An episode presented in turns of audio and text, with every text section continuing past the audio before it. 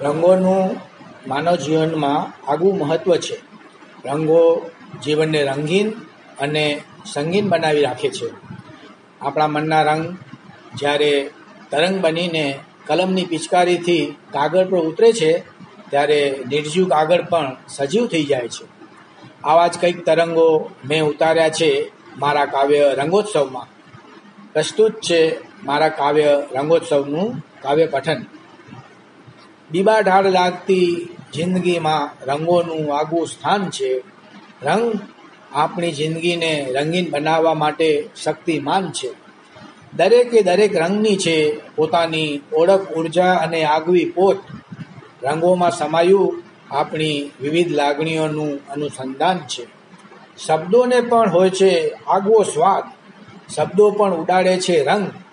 શબ્દરૂપી આસમાનમાં ગીત ગઝલ કે કવિતા મેઘધનુષ સમાન છે. રંગોની રંગીન બહારને આપણી સંસ્કૃતિએ વણી લીધી છે તહેવારોમાં.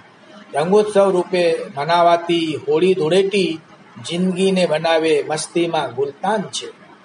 અંધજનોની દુનિયા હોય છે રંગોના આનંદથી પણ વંચિત.